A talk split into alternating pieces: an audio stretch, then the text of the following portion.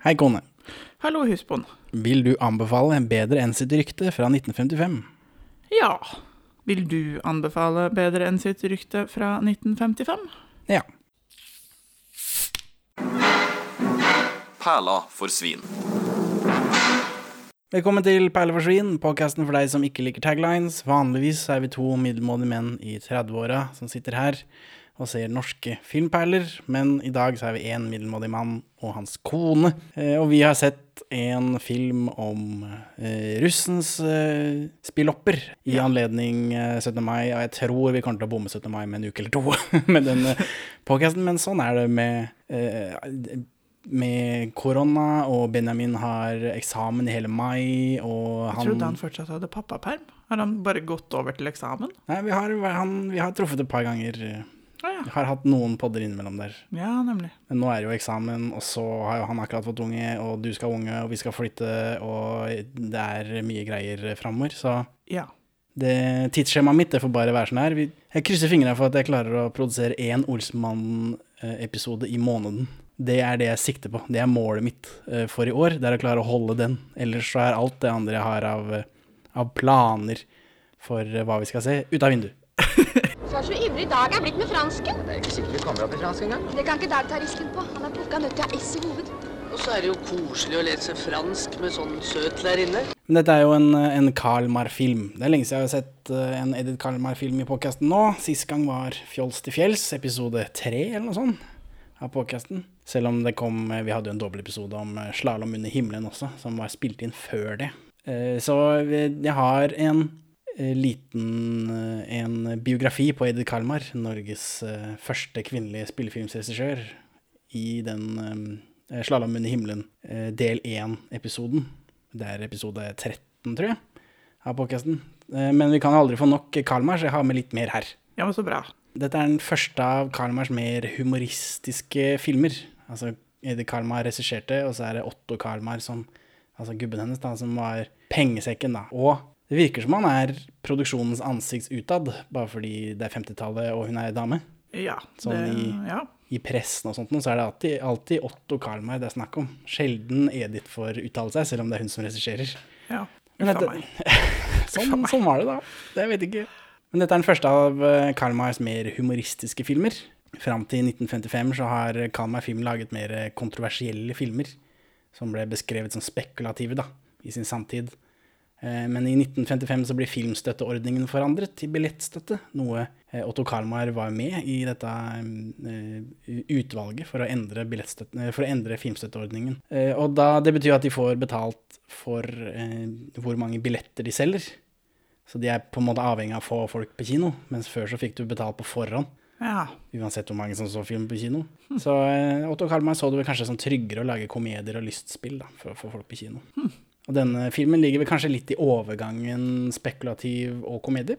Det er noen kontroversielle temaer her, samtidig som det er mye Det er det komedie også. Ja, jo da. Uh, jo, det er det jo, men den er jo Det er jo det er mye komedie fra 55 som er sånn relativt tannløs, da.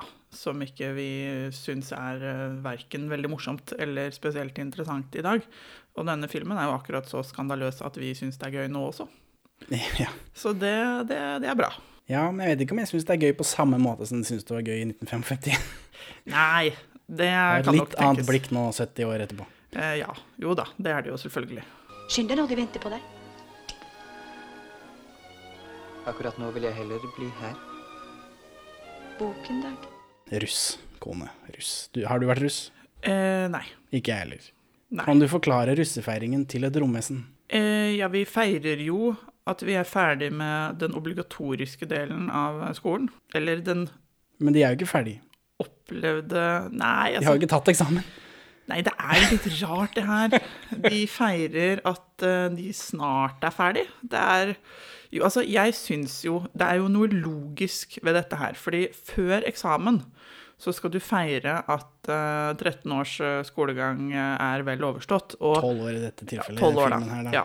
12 års skolegang er eh, vel overstått. Og per nå, før eksamen, så står de alle likt. Derfor så kan alle feire russetiden. Altså etter at alle har tatt eksamen, så har du på en måte noen som kan bli eh, doktorer og hva de nå kan bli, fordi de får så gode eksamener, gode karakterer på eksamen. Mens uh, så har du noen som på en måte stryker, og så blir det veldig dårlig stemning etter eksamen for en del.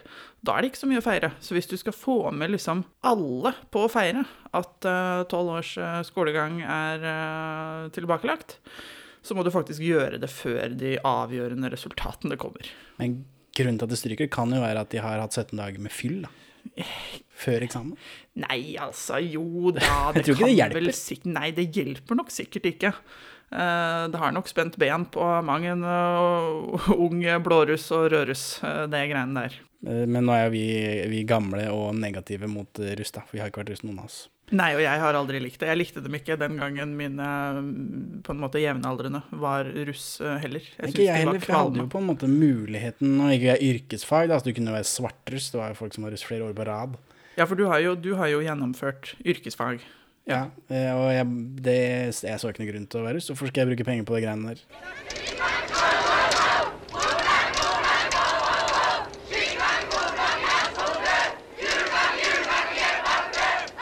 En viss form for russefeiring har eksistert siden 1700-tallet. Da måtte man til universitetet i København for å bli russ. Norge fikk jo ikke universitet før i 1811. Eh, For å få tilgang til universitetet måtte man ta eksamen artium, eh, og etter eksamen så fikk elevene plassert et horn i panna. Eh, Og ved bestått eksamen så ble hornene fjernet. Jeg vil si det er bedre med et horn i panna enn et horn i siden. På latinsk så heter denne tradisjonen corunua depositurus, å legge fra seg hornene. Så det er mulig der ordet russ kommer fra. Så, men det her, er den russefeiringa eh, her da, på, på 1700-tallet var jo mellom du har tatt eksamen til du får resultatene, som også gir mening. Eh, Ja. Hvis du skal forberede til eksamen og ikke være drita full eh, før eksamen. I 1905 så kommer den røde russelua til eh, Norge, og det er en idé vi fikk av noen tyskere som hadde brukt russelue i Norge året før. ja, ja. Jo, nei, men det Litt inspirasjon trenger man jo. Og I 1916 så kommer blårussen, og dermed fikk man et skille mellom allmenn, som er rød, og økonomilinja, som er blå. Og lenge så var russeutstyret bare lua og en russestokk, denne bambuspinnen med sløyfe på. Ja. Jeg har ikke fått med meg hvorfor de bruker det, ikke peiling. Nei, for den, eh, den har jeg sett lite til sånn i det siste, da. Mutter'n hadde det. Ja, min mor også hadde det. Jeg må ha vært på 80-tallet mutter'n eh, var rusta. Men, eh, det, men den, akkurat den stokken har nok blitt borte med tida. Men allerede i den filmen her så har de jo begynt eh, med merker på vanlige klær og russebiler.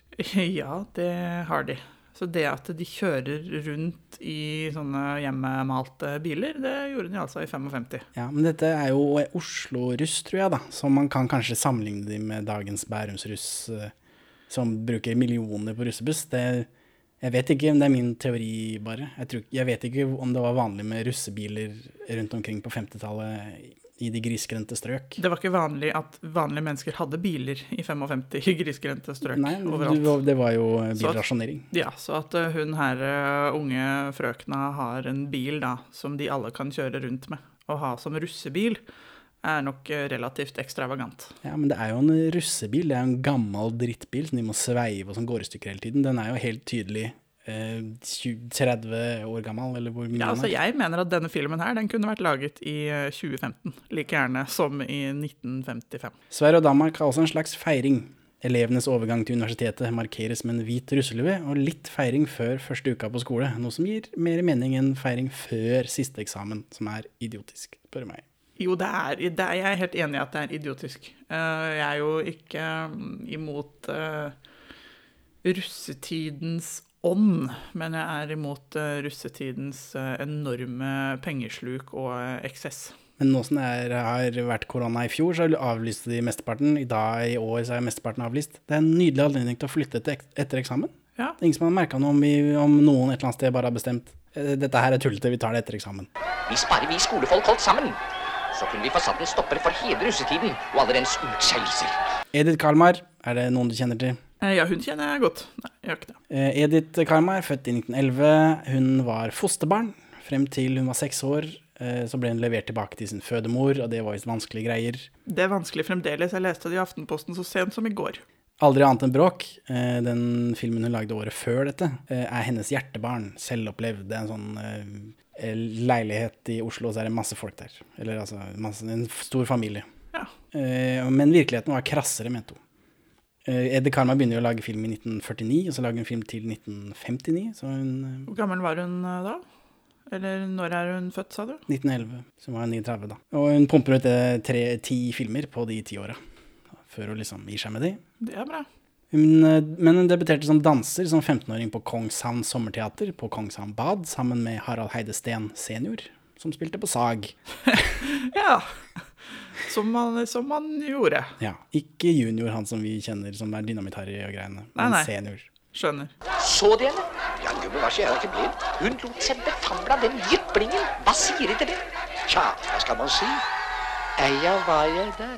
På teater så spilte hun mye horer og hushjelper, for eh, hun er ikke eh, Hollywood-pen, mener hun selv, og det mener tydeligvis folk også, da, siden hun bare fikk spille horer og hushjelper. I 1938 så spiller hun prostituert i et stykke hvor Lillebill Ibsen har hovedrollen, og får gjennom henne jobb som scriptgirl på Gjest Bårdsen. Eh, Lillebill Ibsen er jo gift med Tankred Ibsen, Ja. liksom en av de første norske store eh, regissørene.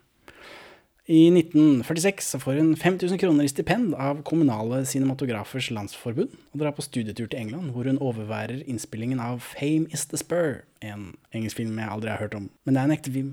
Så nå har hun liksom eh, Hun har jobbet i Norge, bak kamera, i nesten eh, ja, i åtte år, da. Og så får hun dra av gårde for å se hvordan det skal gjøres i utlandet. Og så kommer hun tilbake da. I 1948 er hun produksjonsleder og skuespiller i Tankred Ibsens Den hemmelighetsfulle leiligheten. Og etter å ha mast på gubben Otto Kalmar og overbevist han om at det kunne være penger i film, så debuterer hun som regissør i 1949 med 'Døden er et kjerntegn'. Alt jeg ikke visste. Og Otto Kalmar var jo kjent for å være veldig gnien på pengene, sånn som alle interiørene i den filmen vi så nå, er fra Sten og Strøm, som, som reklame. Ja, for det, det står jo innledningsvis at uh, alt er, uh, det er leid inn fra Ja. Sten og Strøm. Ja, og han var veldig glad i å promotere seg selv som gnien også, så det er ikke alt uh, som stemmer. Det Nei. går sånn vandrehistorier om at han, uh, han målte opp tapeten etter hvor kameraet skulle stå, så ikke det var noe, eh, noe tapet på utsida der hvor kameraet ikke skulle filme likevel. Og gulvlister og sånt noe. Alt dette. Herlig. Eh, Benjamin har gravd litt i arkivet for meg, og Otto Kalmar er helt klart den som dominerer i pressen. Da. Men selv om Edith kanskje holdt litt lavere profil utad, så har hun uttalt Otto Kalmar hadde ikke noe han skulle sagt. Nei. Jeg var regissør, jeg var sjefen. Så, Bra, Edith. selv om Otto Kalmar var, han er sjefen til å begynne med i produksjonen, da, for han velger og er gjerne med og adapterer manus, eh, og, og han står for penga, da, eller innsamling av penger. I 1954 lager Edith eh, Aldri annet enn bråk, som blir den nest mest sette filmen det året, bak Shetlandsgjengen. Og suksessen topper seg med Fjols til fjells, som er podkastepisode fire, i 1957, og Lån meg din kone i 1958, som begge blir landets mest sette. Og Fjols til fjells er tiårets, altså 50-årenes mest sette film. Jøss. Kalmars siste spillefilms regissørgjerning er Ung flukt, Liv Ullmanns første hovedrolle i 1959. Og så tror jeg, nå skal jeg spekulere litt igjen, da, men litt fordi filmene hennes ble ansett som populistiske B-filmer, og litt fordi Otto Karlmar går videre til å bli en veldig kontroversiell leder av Norsk Film AS, eh, så blir filmene hennes glemt i en 20 års tid, før hun blir gjenoppdaget på 80-tallet en gang. Eh, Når de som så filmene hennes da de var små, begynner å lage egne filmer. Og i 1994 så hospiterer hun hos Liv Ullmann under Kristin Lavransdatter for å lære om moderne film. Jøss, så flott, da. Sånn er det. Får jeg ikke ta deg i armen? Du kan da ikke gå arm i arm med lærerinnen din, vel? Kan hun leie meg, da? Bedre enn sitt rykte har jeg sett sånn halvveis på NRK en lørdag formiddag, eller når det er de sender sånt uh, gammelt ræl. Ja, det er, ja, nemlig. Jeg, jeg, jeg kan huske det fra da jeg bodde hjemme, så det er jo mange år siden da. Jo, men sånne her eh, går eh, innimellom. Og da husker jeg at jeg ble overraska over at russen oppfører seg som russ, at de har gjort det så lenge. Og, det er, Ja. og hver gang det er, nærmer seg 17. mai, og noen av de gamle folka jeg kjenner begynner å klage, så drar jeg fram denne her. At, eh, Ja. for de sier alltid at det, liksom, det blir bare verre og verre. Det er mulig det, men det var like ille i 1955. Ja, men disse, de gamle grekerne irriterte seg over eh, ungdommens eh, skjødesløshet, og at de ikke respekterte foreldrene sine, og at de bare ville ordne seg sjæl. Ja, ja, men dette er veldig spesifikt russ. Ja. Ja. Nei, det, det hører vel til eh, Det hører vel til ungdomstiden. Altså russetiden er jo på en måte det beste og det verste av ungdomstiden. Den komprimert og eh, i en liksom ekstrem form i løpet av eh, tre uker på våren. Ja, for denne filmen inneholder drikking, puling, eh, bråk om natta. Klining. Og unødvendig pengebruk. Eh, ja. Det er, liksom, det er alt det vi klager på med rusen. ja, også dette, og eksamenspresset, ikke minst. At de tyner seg. De skal både feste og lese til eksamen, og de eh, Ja, men møter det plager ikke meg som eh, ikke går til eksamen. Det eksamensgreiene. Nei da, men det er liksom eh, Det, det er veldig gjenkjennelig at eh, de eh, møter opp på eh, eksamen eh, bakfulle og med sovesveis og dårlig ånde, liksom. Det, det er litt sånn Det er sånn typisk eh, russegreier. Skal vi begynne på filmen, da? Filmen åpner med svart skjerm og den derre skikkelakke-rimet. Eller hva det er for noe. Ja, for det drev jo russen med da jeg var liten òg. Skikkelakke, jeg prøvde å finne ut hva det er for noe, selvfølgelig, er basert på et dansk oppklaringsrop, som jeg ikke Dansk oppklaringsrop, står det. Hva er det? Det står overalt, det mangler referanse. eh, Det bare refererer til andre folk som har sagt akkurat det samme. Ja, så hvis du hører denne podkasten og vet hva et oppklaringsrop er, så vil jo veldig gjerne vi vite det også. Skikkelakke ble først hørt i Oslo i 1934. Jeg husker de drev med det da jeg var liten også. Nå har ikke jeg følt så nøye med på russen i det siste, men eh, det er mulig de holder på med det ennå. Og så er det liksom Det er en sånn intro Jeg vet ikke hva jeg skal kalle det. Vignett. Det står Kalmar Film eh, i settet. Og så panerer vi opp til en russ som sitter i en sånn filmstol, og så, har han, så står det 'bedre enn sitt rykte' på ryggen. Og så driver er det noe klining der, sånn, men vi ser jo bare denne russen bakfra. Og så er Cupid der, en liten naken gutt Eh, ja. med pil og bue, som skyter denne russen i ryggen. Og så eh, begynner filmen, da. ja. Og det, um, det er morsomt eh, Det er morsomt og litt eh, rart. ja. Jo, helt enig. Og så får vi sånn main titles over disse russen som kjører russebil, og Mattis Mathisen er fotograf, så jeg. Og det er en av de tre i Team Film, de som lager Olsemannen. Oh, ja. Knut Andersen, Knut Bovim og Mattis Mathisen. Så at han er fotograf på disse filmene, det visste jeg faktisk ikke. Og så er den basert på en bok av Eva Seberg, og Eva Seberg kommer vi tilbake til all den tid vi kommer til Kvinnens plass, for der er hun med å skrive manus, ikke bare boka. ja. Og så er det mye Det er random russ og russebiler. Og det er jo gamle vrak da, som de har malt på. Jeg vet ikke Jeg antar det er bedrifter som har sponsa dem. At det er, det, er det det de maler på? For det gir ikke noe mening. Det er ikke noen morsomme vitser eller slagord eller ingenting. Jeg skjønte ikke, jeg skjønte ikke hva det var. Jeg. Jeg, Nei, det så ikke ut som det var noe gjenkjennelig eh, navn heller. Det er ingen navn eller logoer som er gjenkjennelige for oss, eller eh, noe annet som gir sånn veldig mening. Nei, for nå er det vel logoer stort sett, og en annen vits. Ja, det er vel det det går i.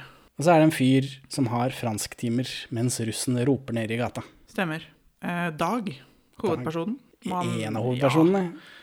Ja. Det er jo et triangel her, og så er det masse, masse andre folk. Det er jo et sånt ensemble, dette. Jo da, det er jo det, men det er jo fordi det er jo en russefilm, så det må jo nødvendigvis være en masse folk med. Dag har fransktimer. Også denne russen nede, det, Unni Bernhoft, er en av dem.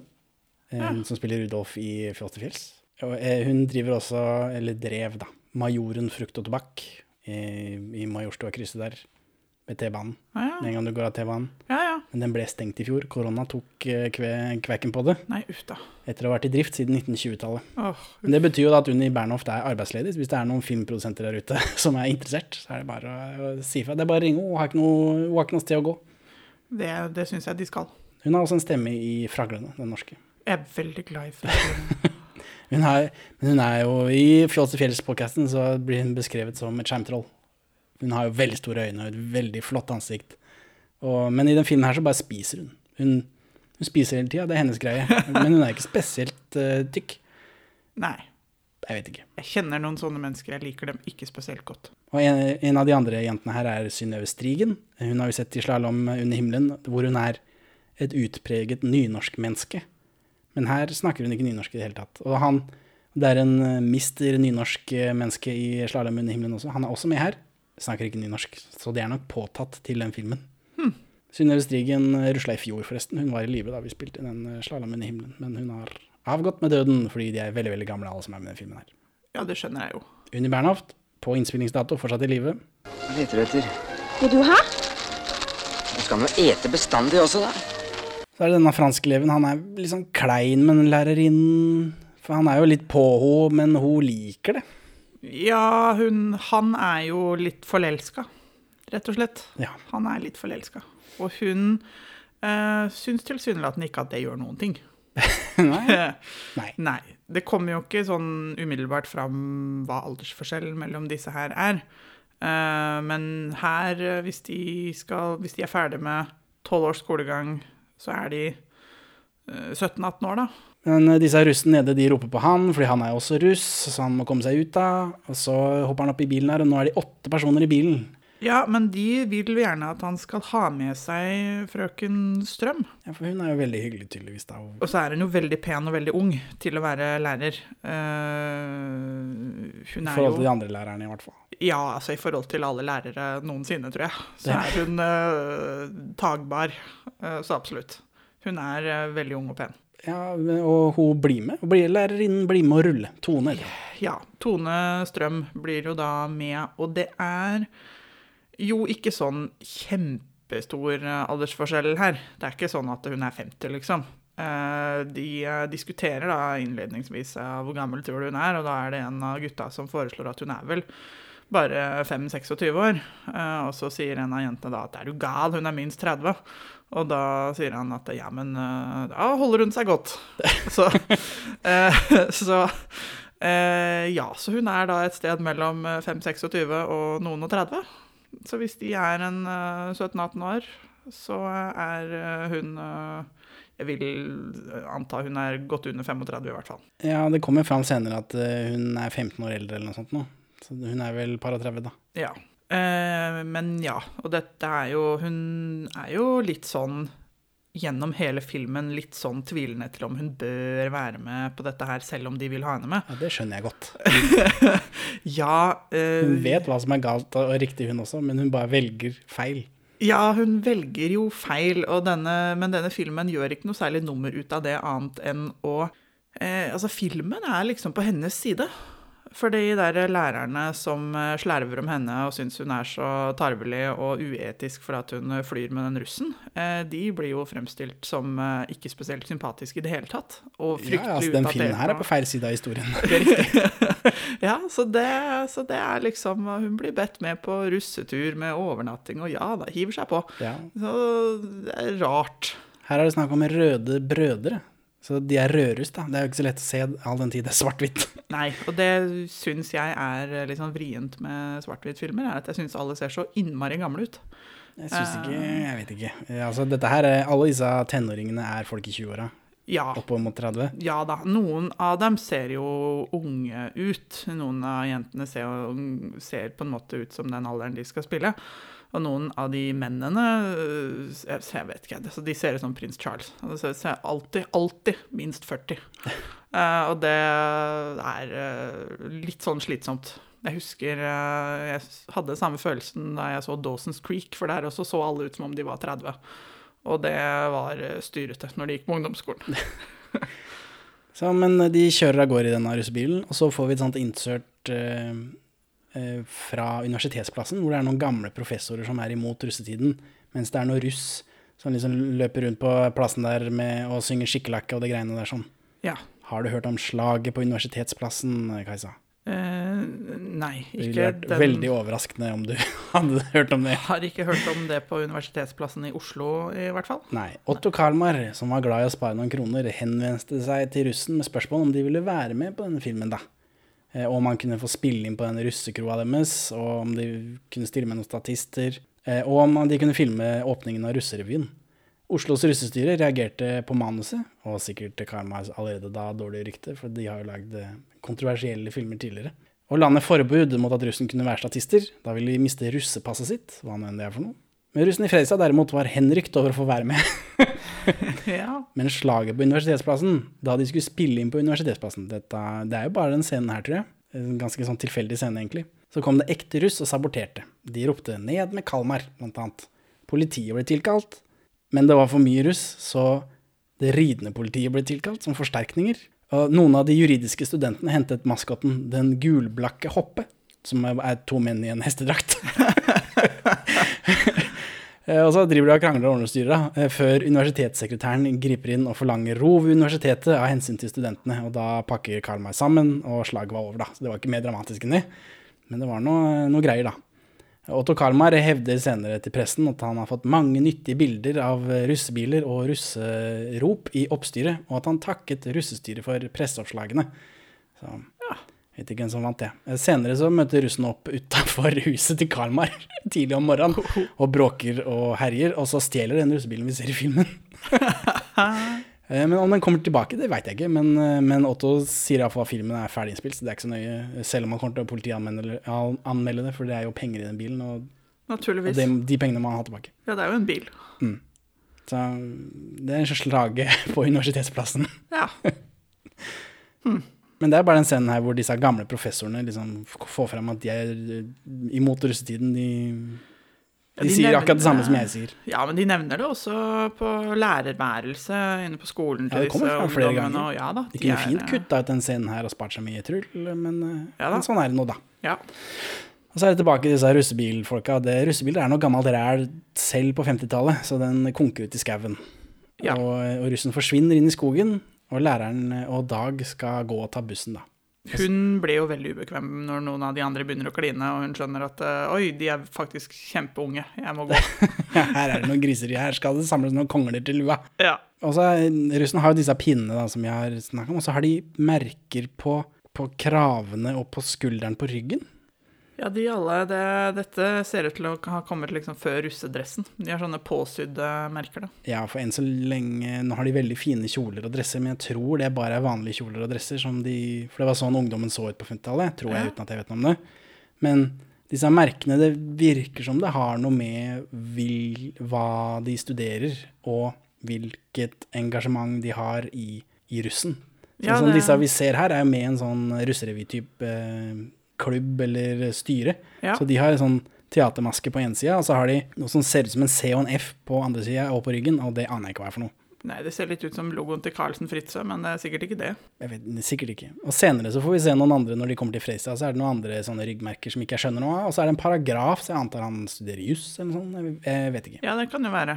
Og det er jo, det er jo litt som i dag, hvor eh, fargen og merkene på dressen eh, forteller noe om eh, hva slags russ du er, og hvor du hører til.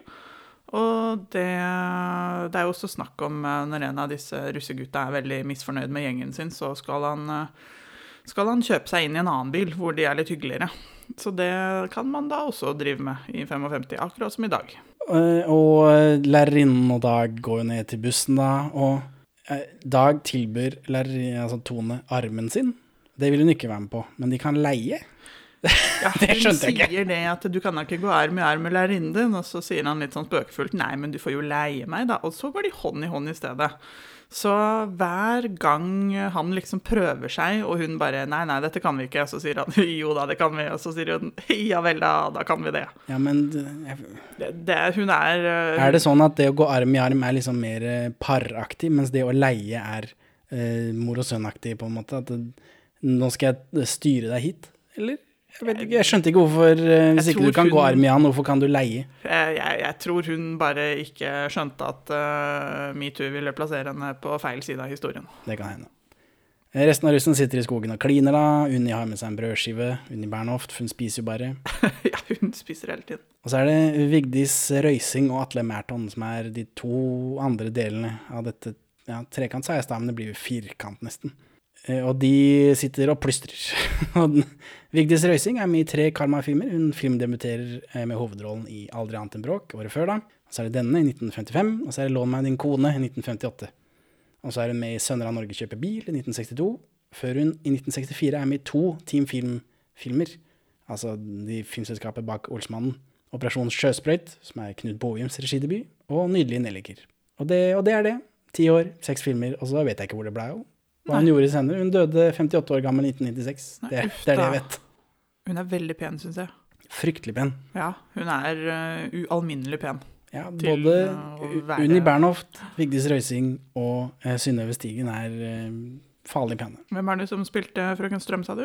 Jeg vet ikke, hun er med i den her og i en annen film, så jeg har ikke notert meg navnet hennes. For hun er egentlig også ganske pen. De Ja, gjør hun henne har et litt annet ansikt. Ja, det har hun, men hun, altså, de gjør henne ikke sånn kjempesmellvakker i denne filmen her. Hun har en veldig naturlig skjønnhet i liksom trekkene sine. Men så har hun jo kort hår og litt sånn plain sminke, og er jo ikke så så på en måte oppstyltet pen sånn som de andre, da. Hun, eh, men det, hun er også ganske pen, altså. Og så er det Atle Merton. Han er med også i flere eh, Karl May-filmer. Ung flukt, blant annet. Og han er med i Det største spillet, som er Knut Bovims andre regi. Og Torald Maurstad sier om Atle Merton i forbindelse med filmen Line fra 1961. Merton var på alle måter en fin fyr og en gentleman, men han hadde ingen teatertrening i lisonslåssing. Og da vi skulle slåss i en scene fra en meget bedugget fest, dro han altså til. Og traff skikkelig. Det gjorde så vondt. Jeg ble så overrasket, og at jeg faktisk gråt. Så Atle Merton har da klina til Toralf Merstad, som begynte å grine. Faen meg. Stakkars Toralf. Men her i den scenen her så sitter Atle og Vigdis og er kleine, og eh, det er fordi Vigdis har tydeligvis hatt noe greier med Dag, og hun er fortsatt forelska der, mens Atle Merton er veldig på Vigdis, da. Han, Ja. Og hun eh, har Det virker som de har noe på gang, de også, men, men iblanda i det, ja. så er alt, alltid Dag der. Og så blir det jo sikkert litt verre for hun stakkars Vigdis, da. Når han eh, Dag eh, begynte å gå og hekke på fransklæreren i stedet. Da blir alt mye verre, tror jeg. Ja, eller hun reagerer ikke så godt på at han har gått videre. Nei. Så kommer de seg tilbake tydeligvis, for nå er vi liksom på lærerværelset. Og da kommer eh, Tone Strøm, da, lærerinnen, fransklærerinnen, inn på lærerværelset der. Og så er det en gammel lærer med veldig knirkete sko. Knirken. Knirken kaller de han, ja. Ja. Han legger han på, på denne fransklæreren, men hun gir han en kald skulder. ja. Og så sitter det en gammel dame der også. Ja, hun er vel også en eh, lærerinne? Det, vet du hvem det er? Uh, nei, hadde blitt veldig overraska om du visste det. Det er Lalla Carlsen. er det det, du? Ja, en stor, eh, Norges største revystjerne Ja, ja. tidlig på. Jeg Eh, kjente igjen navnet når jeg så det i innledningen her. Nå om dagen mest kjent for å bli sampla av Onkel P i låta 'Kokain'. Yo, kom og ta en yeah, check. Har du spurt om jeg var keen for nå? Og for alle gutta var på. Yeah. Jeg var keen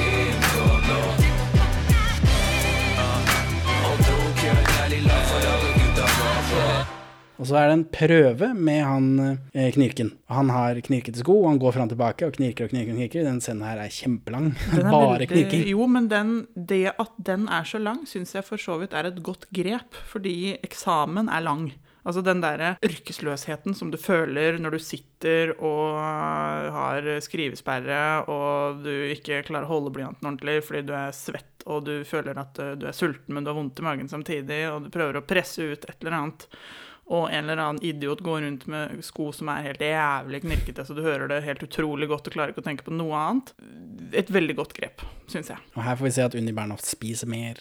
Hun er, Ja, hun altså, jeg har bare notert hun er flott. Hun er kjempeflott. Hun har kjempestore øyne, et veldig sånn sjarmerende ja, ansikt. Det har hun, og munnen full, stort sett, hele tiden. Jeg må også si jeg syns det er forsmedelig hvordan de lærerne Altså, de liksom slarver og baksnakker fælt eh, om hun eh, frøken eh, Tone Strøm, fransklæreren. Eh, og det er rart at ikke Eller er det det? Jeg tenkte å si at det er rart at ikke det finnes noen på en måte normale kanaler å ta opp dette her hvis hun har en upassende relasjon til en elev. For Det det, blir jo tatt opp Eh, ja, senere til russen generelt, da, ikke til akkurat han ene. Nei, men det, det skjer på en måte ikke noe sånn Det går Ordentlig. meldingsvei. Det går ikke noe sånn ordentlig Nei, men det er fordi det stopper filmen stopper før det skjer noe mer. For du kan, eller, du kan jo selvfølgelig nå sikkert, da, men i gamle dager så du kan jo ikke bare gå rett på det hardeste. Først må du si Du kan jo slutt med dette, er du snill. Ja da. Jo Og så da. kom ikke vi lenger til andre Eller liksom, vi kom ikke Vi fikk ikke med oss uh, tredje skriftlige advarsel, eller hva faen det er for noe. Nei. Hvor nå liksom Nå er det nok, nå må du skjerpe deg og krysse beina, kjerring. Nei og det, men det, det, som det, er, det som er litt sånn snodig, er at hun blir så obsternasig når hun får liksom tilsnakk fra rektor da, på dette her. Det er Det går gjennom hele filmen som en sånn rød tråd at hun gir, eh, hun gir beng.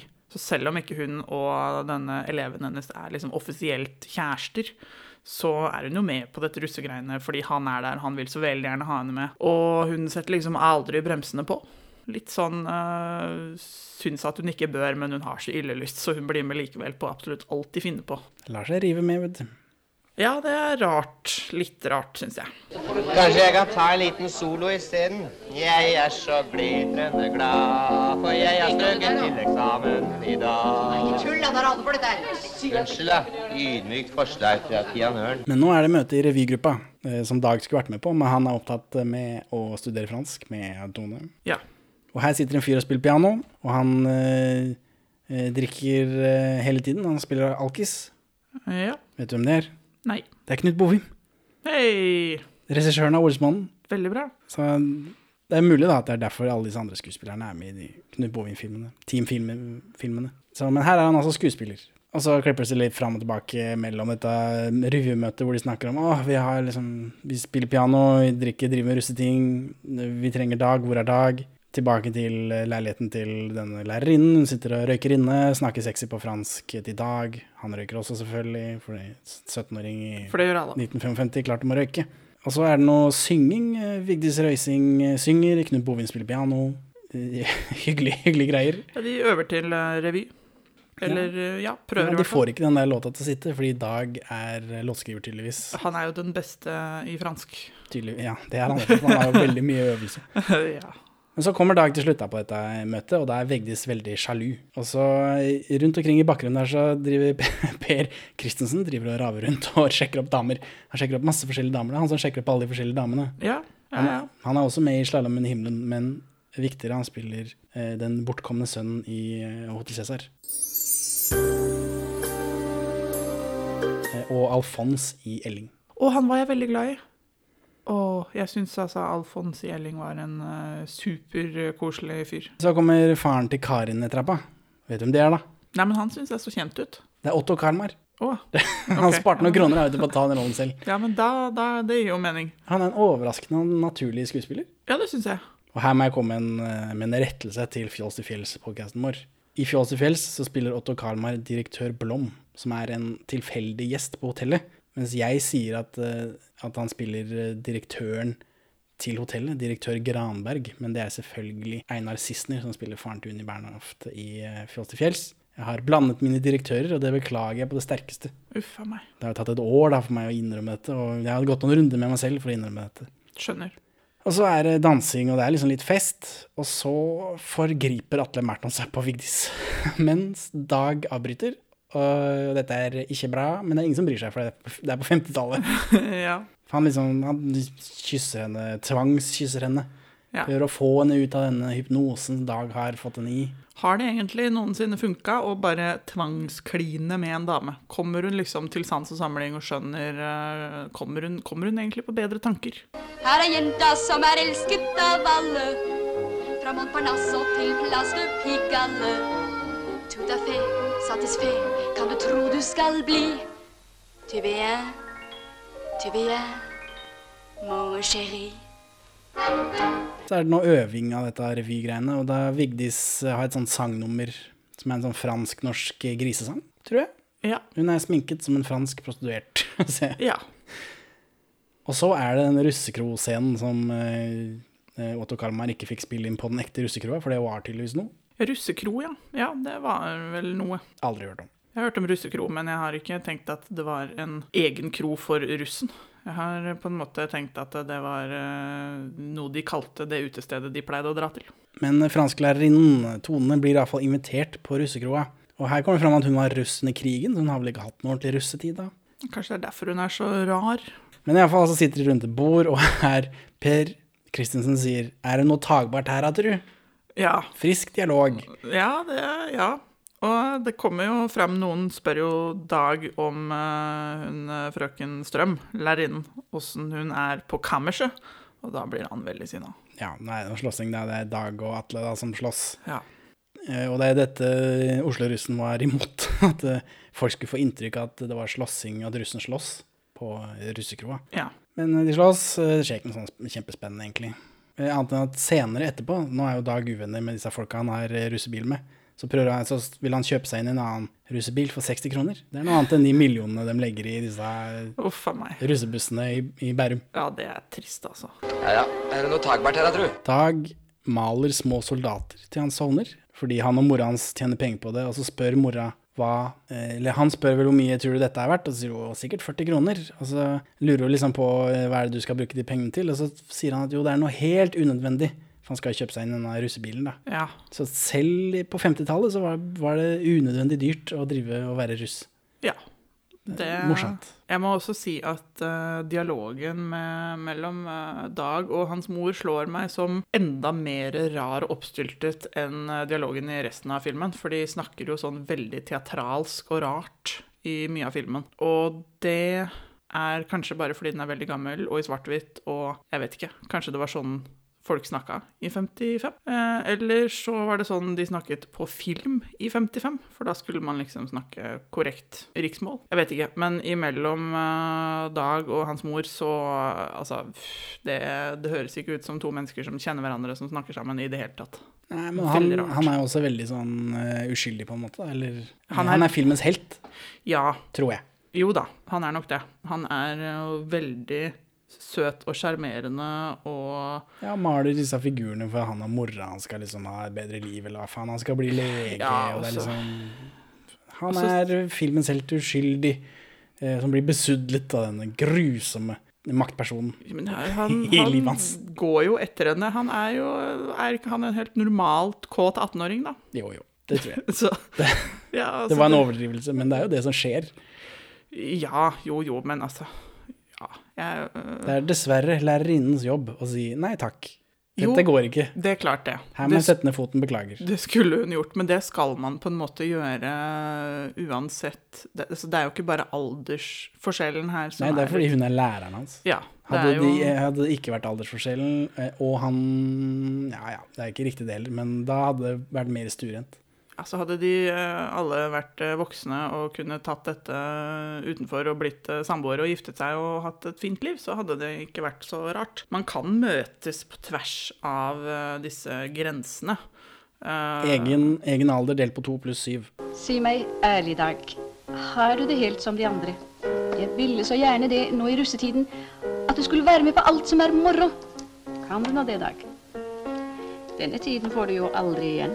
Buscemi-testen, hvis du kjører Buscemi-testen her, at det er eh, Dag er en pikeartanslag, mens læreren er spilt av Steve Buscemi, da blir det uh, Inntrykket i filmen blir litt annerledes ja. enn når det er eh, en, en flott, ungdommelig dame Ja. som spiller denne lærerinnen, og en, en veldig hårete 17-åring som spiller Dag. ja. Det Brysthårete 17-åring. er eh, klart. Men nå er vi i den scenen hvor de finner ut hvor, hvor de får eksamen sin fra. Dag får får selvfølgelig eksamen i fransk, og da blir det jo mer lesing av dette, da. og da er det liksom Og Lalla Karlsen roter rundt i gangen der og driver og sladrer om denne lærerinnen. Det er skrekkelig hvordan de bare holder på. Og så syns jeg det er rart at ingen snakker med henne, av hennes kolleger, for det kan de jo faktisk gjøre, på en ordentlig måte. Går det an? Det blir rart, da. Rart blir det jo, men det er jo på en måte Altså, ah, jeg håper jo at eh, det går an å ta opp ting på en ordentlig måte. Men så er vi på russerevy, og jeg synger en sang som heter Bedre enn vårt rykte, så der fikk vi tittelen inn også. Og så er det eksamenstid, eller kvelden før eksamen, og alle, alle leser. Noen leser i dusjen, eh, folk leser i søvne, de våkner opp i skrekk og, og Ja. tar en masse eh, mattestykker. Ja. Folk er stressa, da. Og så er det, får vi se noen russ som bader i fontena på Vigelandsparken. Og den, Vigelands, eh, den fontena på Vigelandsparken får vi se i, Olsm, i en annen Olsmann-film, tror jeg. For da tror jeg de padler kano i den, kan det stemme? jeg husker ikke. Men så kommer det en parkvakt da, og jager dem, og de har jo kjørt opp, så de må kjøre ned igjen også. Da kjører de ned trappa på Vigelands uh... Det gjør de. De Hyggelig at de ned fikk eh, Jeg antar de fikk tillatelse til det, det er ikke sikkert. De har lagt noe i den trappa som vi ikke ser, men som bilen kjører over, og som liksom vipper opp. Så de kjører ikke så ned trappa som det ser ut som. Ja, jeg syns de bare klakk, klakk, klakk, For klakk, eh, nei kjørte da, ned. de, de klakker, klakker litt.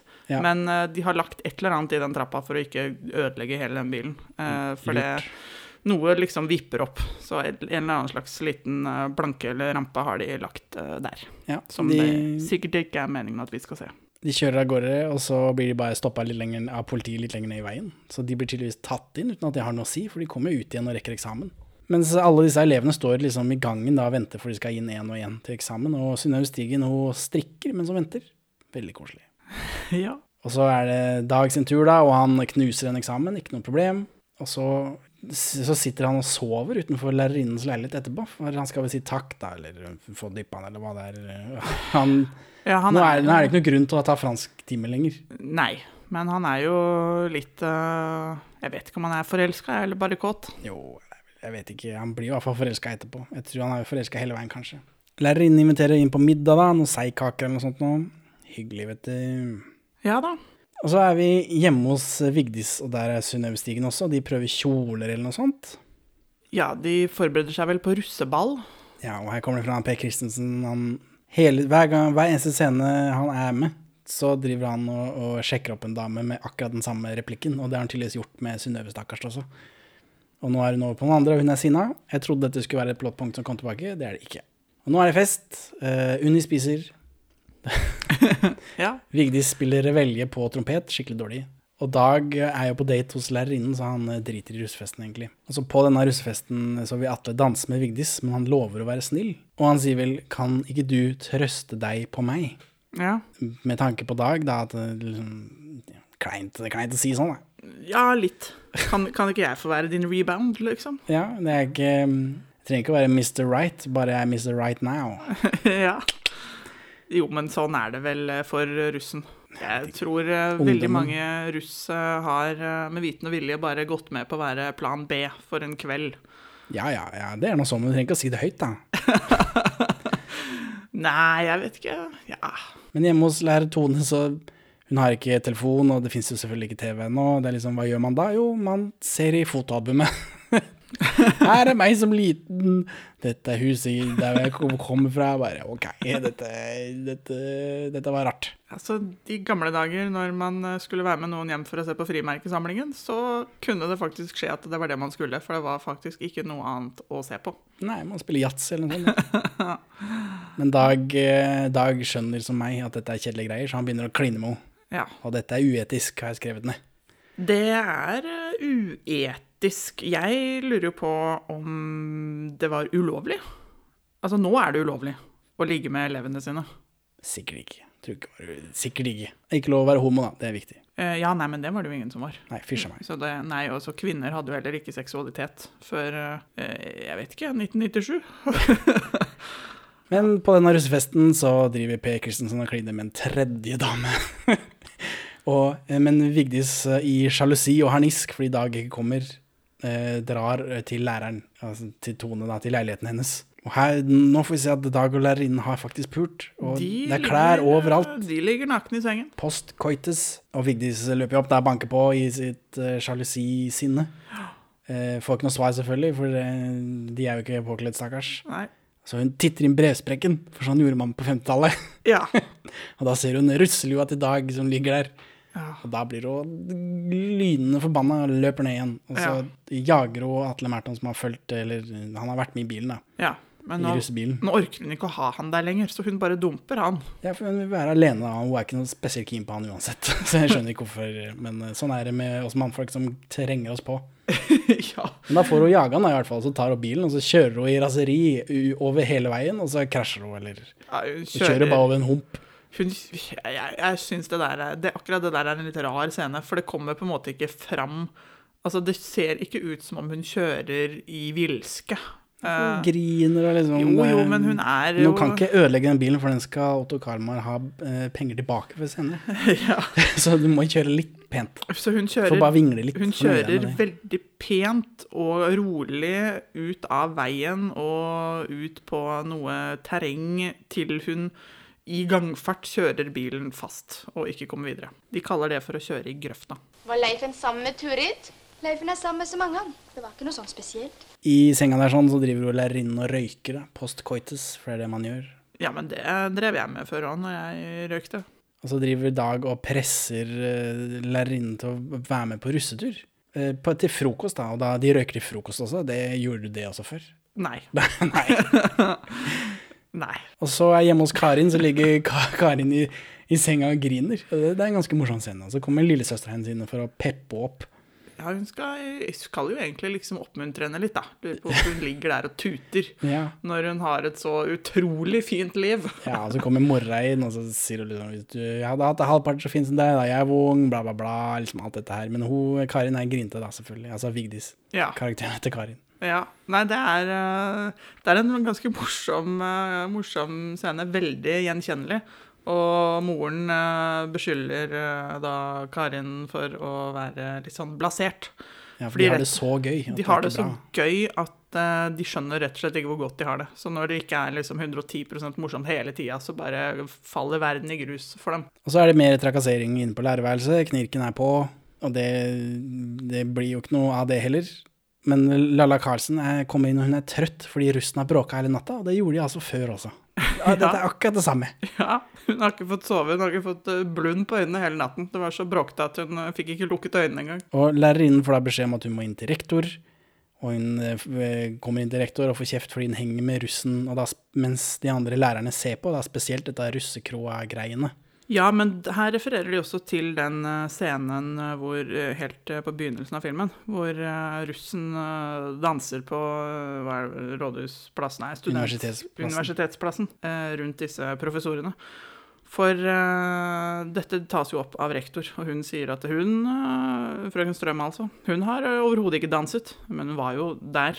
Hun var jo med i denne bilen, da. Ja, de men den rektoren sier de må ta hensyn til hva folk kan tro. Og dette hadde jo vært sånn victim blaming, hadde ikke vært for at hun faktisk driver og puler dag. Det er liksom Det, mm, det, det faller på stengrunn. Det er Nå gjør Han det det. er Men Han oppfører seg ufint mot henne, men hun gjør jo faktisk det som hun blir beskyldt for, på en måte. Ja, og det er eh, Altså, hele denne greia er jo veldig rar. At de på en måte Altså, det er jo ingen som har faktisk anklaget noen for noe som helst her.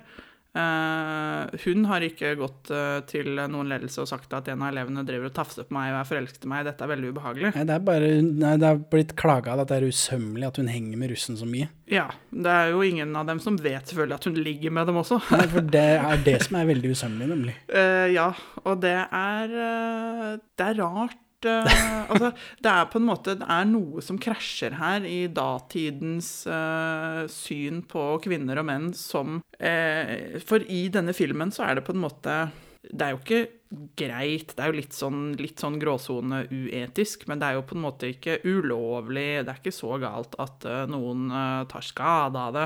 Det er ingen som liksom problematiserer Det, om ingen tar skade av det, vet vi jo ikke før han Dag er blitt voksen. Nei. nei det blir jo utnyttet av en eh, Ja, maktperson. Jo, jo, men, det er, men de, de problematiserer ikke det i det hele tatt i Nei, denne nei, filmen. Jeg har sett en del eh, anmeldelser også, det er ingen som tenker på det. Det er Nei. bare snakk om eh, at historien er dårlig, skuespilleren er dårlig, alt er dårlig. Ja, De nevner, er- ikke, nevner ikke at det er Nevner ikke dette i det hele tatt. Nei, men dette her er sånn forelska i læreren-opplegg. Ja, ja. Sånn der hvor, hvor det bare er Hvor det på en måte er helt greit. Hvor det er vanlig. Og han bare har det så fint for at han er forelska i læreren og får, uh, får det som han vil. Rektoren sier da i den scenen at eh, hun ikke skal hun befaler, Han befaler henne om å ikke henge mer med russen, og hun lover å henge mer med russen på trass.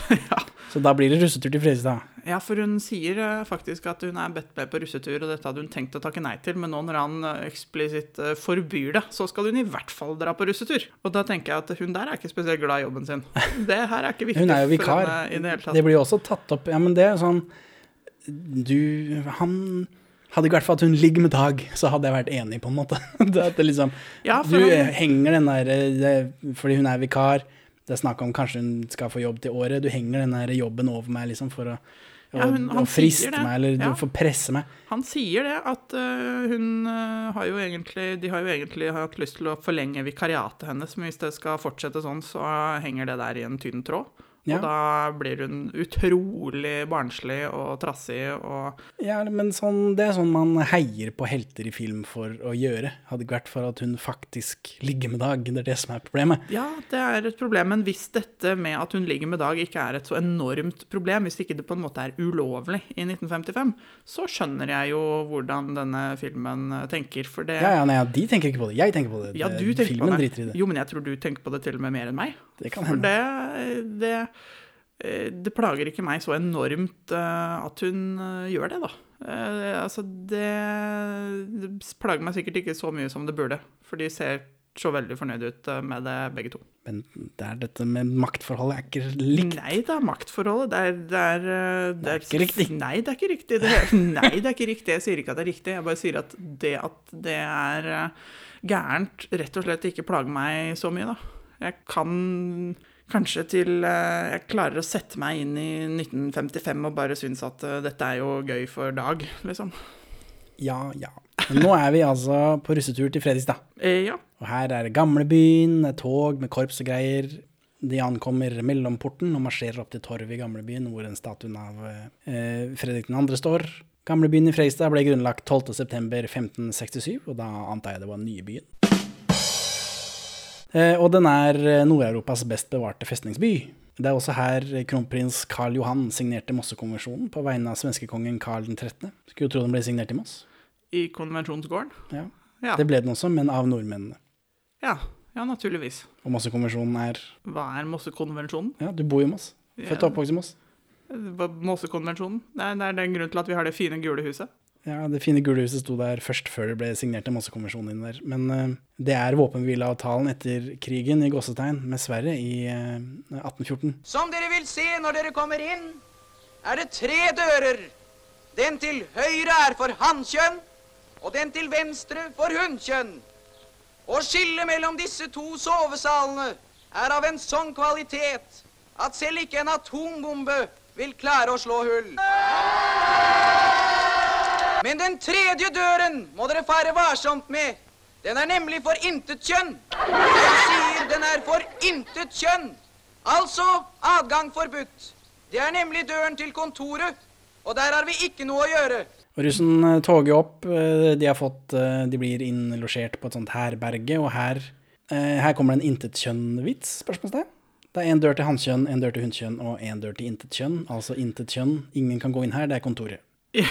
ja, det er gøy, uh, syns jeg. Jeg Det, syns det det, er flott. tidlig og Å, jøss, er det driver de og er det noe eh, transseksualitet-greier? Nei, det er ikke det i det hele tatt. Nei Så da, det tenkte de- ikke på på 50-tallet. Nei, men de tuller med kjønn, og det syns jeg er morsomt. Det, det er bra.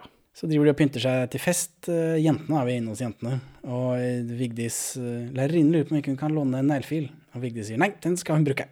Den skal hun bruke selv. Så hun er litt nebbete. Hun er jo veldig vondbråten på denne lærerinnen, og jeg må jo også si at uh, ikke Lærerinnen har tatt eh, kjæresten hennes, eh, selv om ikke de er eh, Ja, og så er det jo litt rart, fordi at denne lærerinnen er jo tilsynelatende litt sånn Altså, det er rart at hun Når hun er med og henger med russen og drar på deres russetreff For dette her med russetur til Fredrikstad er på en måte som russens eh, datidens uh, Tryvann. Altså, det er det ja, ja, er, altså, de drar jo hit for å drikke seg drita og feste med uh, Freistadruss. Med annen russ, ja. Det er russetreff. Og at uh, en av disse gutta da skal ha med seg en kvinnelig lærer som er uh, tagbar. Som er på en måte ung og pen, og som han driver og pøker. Det er rart at denne læreren ikke skjønner hvor upopulær hun blir blant de andre jentene. For det er liksom Der er hun, virker hun totalt blåst. Hun skjønner ikke. Så de må nå ta henne for seg og fortelle henne hvor jævlig de syns Hun hun er. prøver å være hyggelig da, og antar kanskje at disse andre jentene kan være hyggelige tilbake, men det kan de Men ikke. det- Selvfølgelig ikke. Altså, de, nei, selvfølgelig ikke. Altså, der Jeg syns det er rarere at hun ikke skjønner det, i hvert fall. Så får vi se mer av gamlebyen, da, og så er det noe dansing. Masse dansing. Alle vil danse med denne lærerinnen. Knut Bovim er der. Eh, Per Christensen prøver å sjekke opp en dame, men han dro akkurat de samme linjene på henne på nyttårsaften. Ja, han, For han har en bok han sjekker. han eh, må jo da si at hans, eh, hans linje er jo ikke noe fantastisk. Han er jo bare å si at eh, men Det funker du, jo på fem, seks, syv stykker i den filmen her. Ja, så han sier eksempel Å, Gerd, det er noe helt eget ved deg. Jeg har aldri Du- følt det sånn med noen før. Nei, og du er, eh, du er liksom annerledes enn de andre, du. Og det så sier da eh, Gerd eller Margit eller eh, Borghild eller hvem det er, sier da at eh, Og det sier du sikkert til alle sammen. Og så sier han nei, nei, nei. Og så viser det seg at jo, her har han faktisk sagt det til akkurat denne jenta her eh, før. så de har truffet hverandre før. Han har da glemt det. Så når hun sier at du, vet du hva, det her, det her har du prøvd på før. Funka ikke da heller. Så må han slå opp i boka si. ja, for han har jo bok. Må jo holde styr. En slags Tinder på papir. Det er noe eget ved deg, Gerd. Du er så annerledes enn alle de andre. Det sier du vel til alle, det. Nei, jeg sverger. Sånn har jeg aldri kjent det før. Så er det lærerinnen og Dag, og det er mye sånn Hun Det er tydelig at ikke hun er helt komfortabel med det allikevel. Men det virker som om hun blir mer Altså som om det der med at Hun de er jo andre sammen haug med 17-åringer. Det er klart det blir litt sånn eh, Det er jo litt dette ubekvemt. riktig, da? Ja, men fram til nå så er det jo ingen av de 17-åringene som har konfrontert henne med at hun er uønsket. Nei, nei, men hun må jo merke det at eh, mm, kanskje ikke dette er helt riktig. Nei, altså hun har jo vært uh... Hun er jo mest bekymra for at ikke de skal være sammen resten av livet. ja, altså, jo, men det som Altså, før så har hun jo vært sånn øh, litt sånn tvilende til at øh, ja, men øh, vil dere ha med meg på det, da? Vil du ha med meg på ditt og datt? Når han vil ha henne med på fest og på kroa og på dette, denne russeturen.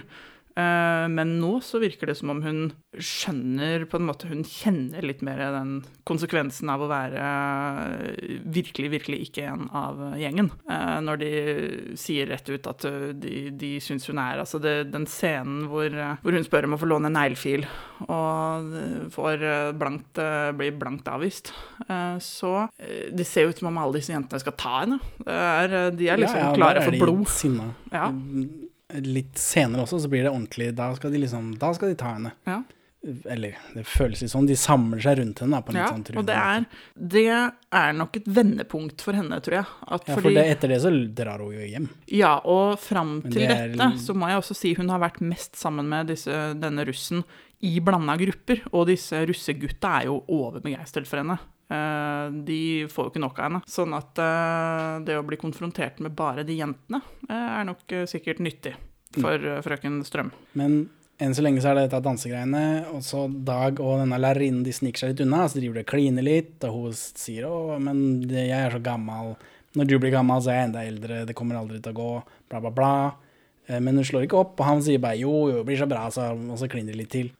og så blir hun revet bort, for hun må danse med en fyr fra festa, tror jeg. Og så kommer Vigdis til Dag, og hun eh, surprise-kysser han, som ikke er lov. Og så løper hun av gårde i raseri eller noe sånt Nå. Og Da treffer hun Knut Bovim, og hele tida så har han spilt alkoholiker, og han sitter og drikker Ja. en sånn lommelerke, og da tar hun den lommelerka hans, og så drikker hun den, og så spytter hun det ut fordi det er bare vann. Ja. Fordi han har bare lata som hele tida, for han tåler ikke alkohol. Jeg er ikke helt sikker på hva, hva var dette for en humor. Eh, ikke helt uh, sikker på det, men For det kan de, hende tidligere, når de liksom har trodd at han har drikke og sånt, så har jo det vært trist, spør du meg. At han sitter her 17 år alkoholiker. Ja, eh, litt. Det er eh, litt rart. Eh, Det er jo et flott bilde på drikkepresset, da. At man må skjule at man bare drikker vann. Ja, kanskje. Når man er russ, at man faktisk måtte det i 55 også. Ja. For å være kul, så må du drikke og være full. Eh, Og hvis du har såpass med innsikt i en alder av 17-18 år at du skjønner at du ikke tåler alkohol, så du holder deg til vann, eh, kjempeflott. Å, gutter er vel å herk. Og nå står vi på brua nede ved, ved eh, gamlebyen der, ved inngangen til gamlebyen. Og, eh, og det er Dag og lærerinnen, de står der. Eh, Det er mye snakk om at eh, de vil Dag vil gjerne gifte seg. Hun mener fortsatt at hun er for gammel, bla, bla, bla. Ja, hun sier det. Og her, her går det unna. Eh, Og så går det noe, det går noen militærfolk på baksida der. Marsjerer av gårde med gevær og greier. For eh, festningen på dette tidspunktet er jo en garnison. Festningen som vi kjenner gamlebyen for, og som vi ser i filmen, stammer i hovedsak fra 1660-årene. Festningen har vært i kamp én gang, i 1814, eh, da svenskene slo seg ned på Kråkerøy, som ligger et stykke unna eh, festningen, og beskjøt festningen, eh, som ligger upraktisk lavt i terrenget. Så de ga opp da etter et døgn, den 4. august. Så da, da gir de opp. Beklager, jeg, vil, jeg angrer meg. Jeg vil ikke være her. Da kapitulerer oberstløytnant Hals for de svenske styrkene, og Hals blir senere dømt til døden, men benådet. I 1903 så blir festningen nedlagt som festningsanlegg ved kongelig resolusjon, men det fortsetter å være militær garnisjon frem til eh, 28. juni 2002, da soldatene marsjerer ut for siste gang. Men jeg var på sesjon der, hvor, sånn, hvor de liksom måler deg og veier deg, og så får du Ja, ja. en sånn dum test, kryssa-test.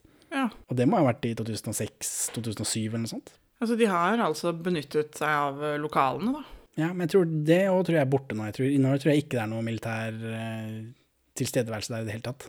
Hold kjeft. Og så er vi inne fordi mm, Dag og denne lærerinnen, han frir litt eh, uten å, ta, uten å si ordene. Ja, han vil jo gjerne Gifte seg og ja. dra på en bryllupsreise til Capri. Ja, men vil han det egentlig, tenker jeg, eller er han litt mer sånn, sier han, Han det er han en romantiker nå, da. Så går de tur på Vollane, åssen sånn heter så fint, det gamle byen der. Tror ikke du at han bare sier det han tror hun vil høre, da?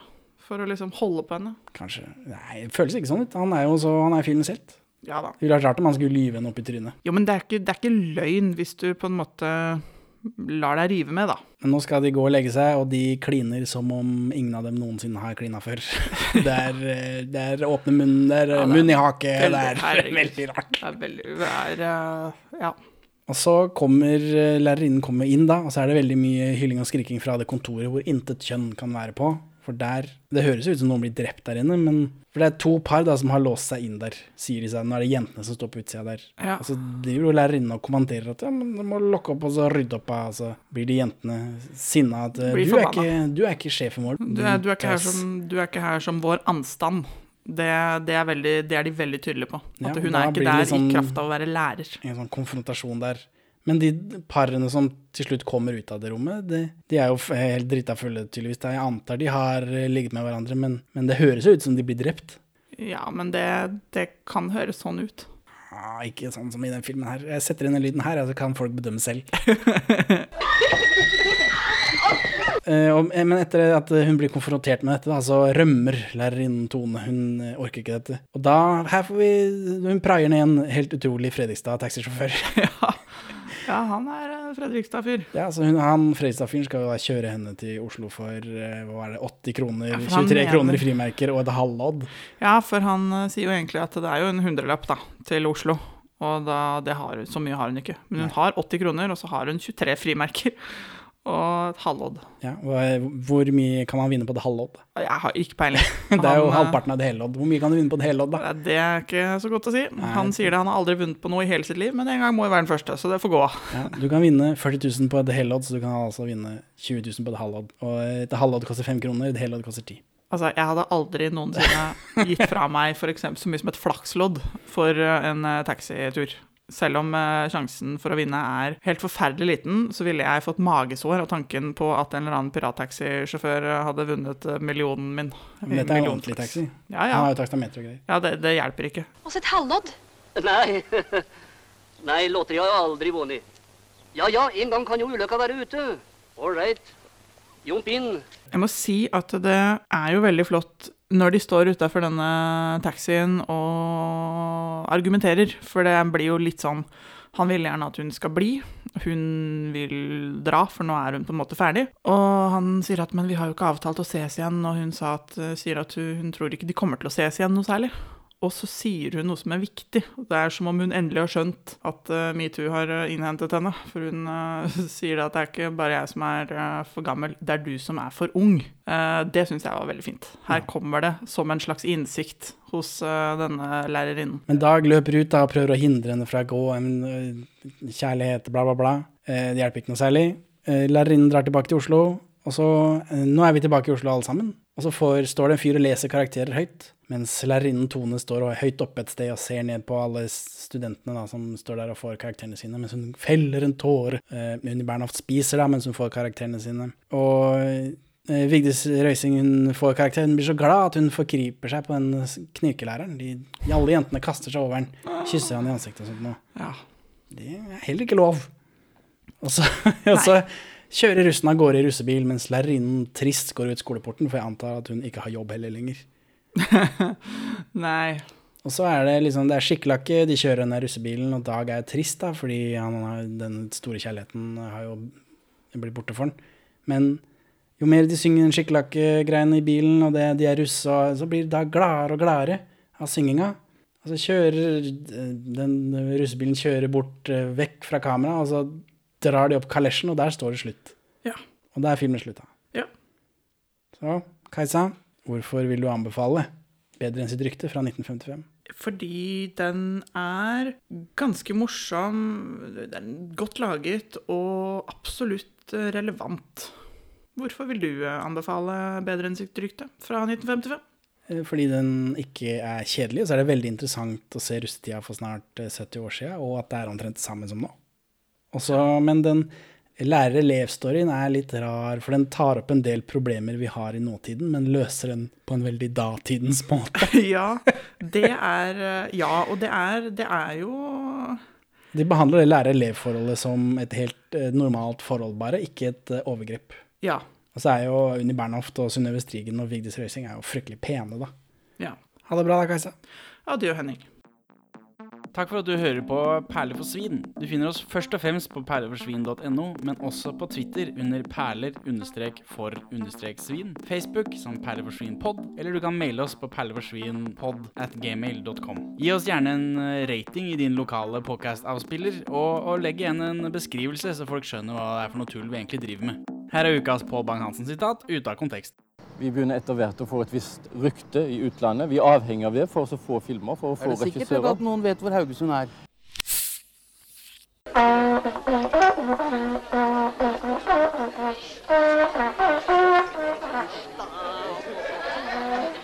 Og her eh, disse russen, da. Vent litt.